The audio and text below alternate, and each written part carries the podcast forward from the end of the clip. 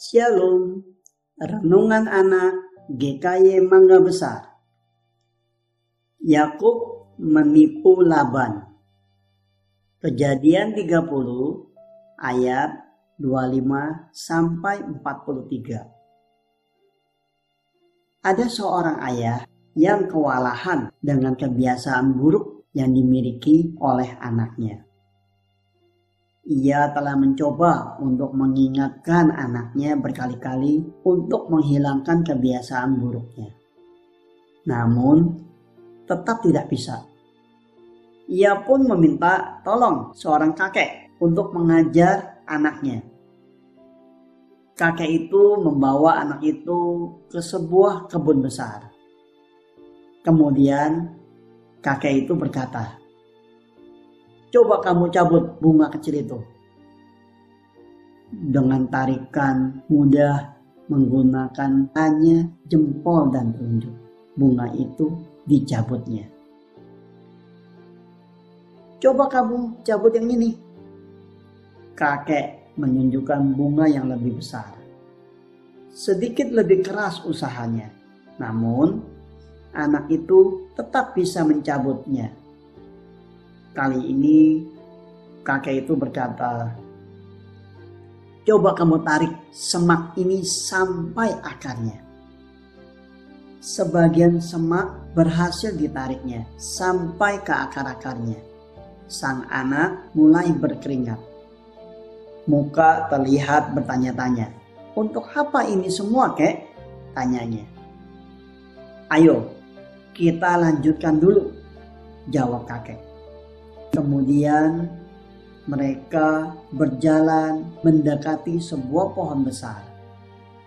Sekarang coba kamu cabut pohon itu sampai akar-akarnya. Kembali kakek meminta. Kali ini anak itu benar-benar bingung. Namun dia tetap mencobanya. Dengan sekuat tenaga, dia mencoba mengangkat, menarik pohon itu untuk mencabutnya sampai akar. Ini tidak mungkin, kek, keluhnya. Kakek itu kemudian menjawab, begitu juga dengan kebiasaan buruk, semuanya harus dihilangkan saat masih kecil, masih muda, karena kalau kebiasaan buruk ini dibiarkan terus, maka ia akan tumbuh seiring pertumbuhanmu dan akan semakin sulit untuk dihilangkan. Teman-teman, setiap kita pasti memiliki kebiasaan buruk. Begitu juga dengan Yakub.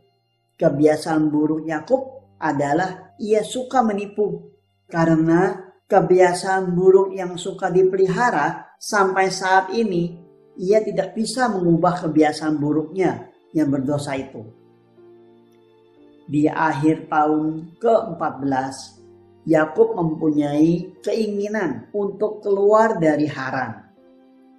Tentu saja hal ini menimbulkan kecemasan dalam diri Laban. Karena ia menyadari bahwa Tuhan telah memberkati dia hanya karena Yakub. Dia minta agar Yakub bisa menetap di Haran dan menawarkan Yakub untuk bekerja dengan upah tertentu. Kali ini Yakub tidak mau hanya diperlakukan sebagai buruh atau orang upahan. Dia mau bekerja dengan sistem bagi hasil. Yakub ingin semua kambing domba yang berbintik-bintik dan berbelang-belang menjadi miliknya. Laban pun setuju. Akhirnya ternak Laban dan Yakub dipisahkan. Ternak Yakub digembalakan oleh anak-anak Laban. Sementara Yakub sendiri menjaga ternak Laban. Bukan hanya itu, masih ada persyaratan lain. Ternak Yakub dan Laban harus digembalakan di tempat terpisah dengan jarak sejauh tiga hari perjalanan. Dengan demikian, ternak Laban tidak akan melihat ternak yang berbintik-bintik dan berbelang-belang. Namun, kebiasaan buruk Yakub yang suka menipu belum berubah. Dia berlaku curang dan menipu Laban. Yakub meletakkan dahan yang telah dikupas sampai berbelang-belang dalam tempat minum ternak tersebut yang menyebabkan lahirnya banyak ternak berbintik-bintik dan berbelang-belang di antara ternak Laban. Bahkan Yakub menukarnya sehingga hewan yang lemah untuk Laban, yang kuat untuk dirinya. Dengan begitu, ternak Yakub bertambah banyak dan dia menjadi sangat kaya. Dalam waktu singkat, dia sudah menjadi majikan. Ia bisa mempunyai karyawan atau pelayan Teman-teman, siapa yang tidak mau seperti Yakub? Dengan kebiasaan buruknya yang suka menipu, sebentar saja dia sudah menjadi orang kaya. Namun, Yakub lupa teman-teman, apa yang ia lakukan adalah dosa. Hidupnya tidak menjadi berkat bagi orang lain. Kebiasaan yang buruk yang selalu dia pelihara membuat dia merasa nyaman-nyaman saja melakukan dosa. Ia tidak dihantui perasaan bersalah ketika berbuat dosa. Ia merasa itu adalah sesuatu yang wajar. Oleh karena itu, teman-teman, kalau kita mempunyai kebiasaan buruk, mari kita belajar untuk mengubahnya.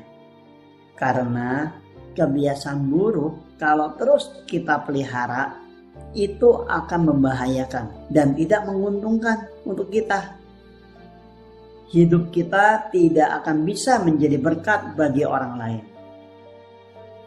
Contohnya, karena suka mengambil barang orang tanpa izin, Andi yang adalah anak baik dianggap sebagai seorang pencuri oleh teman-teman sekelasnya. Kita tentu tidak mau seperti Andi, bukan? Makanya, kita perlu belajar untuk mengubah kebiasaan buruk kita. Memang tidak mudah, teman-teman, tetapi ketika kita sungguh-sungguh ingin mengubahnya, Roh Kudus pasti akan memampukan kita untuk melakukannya.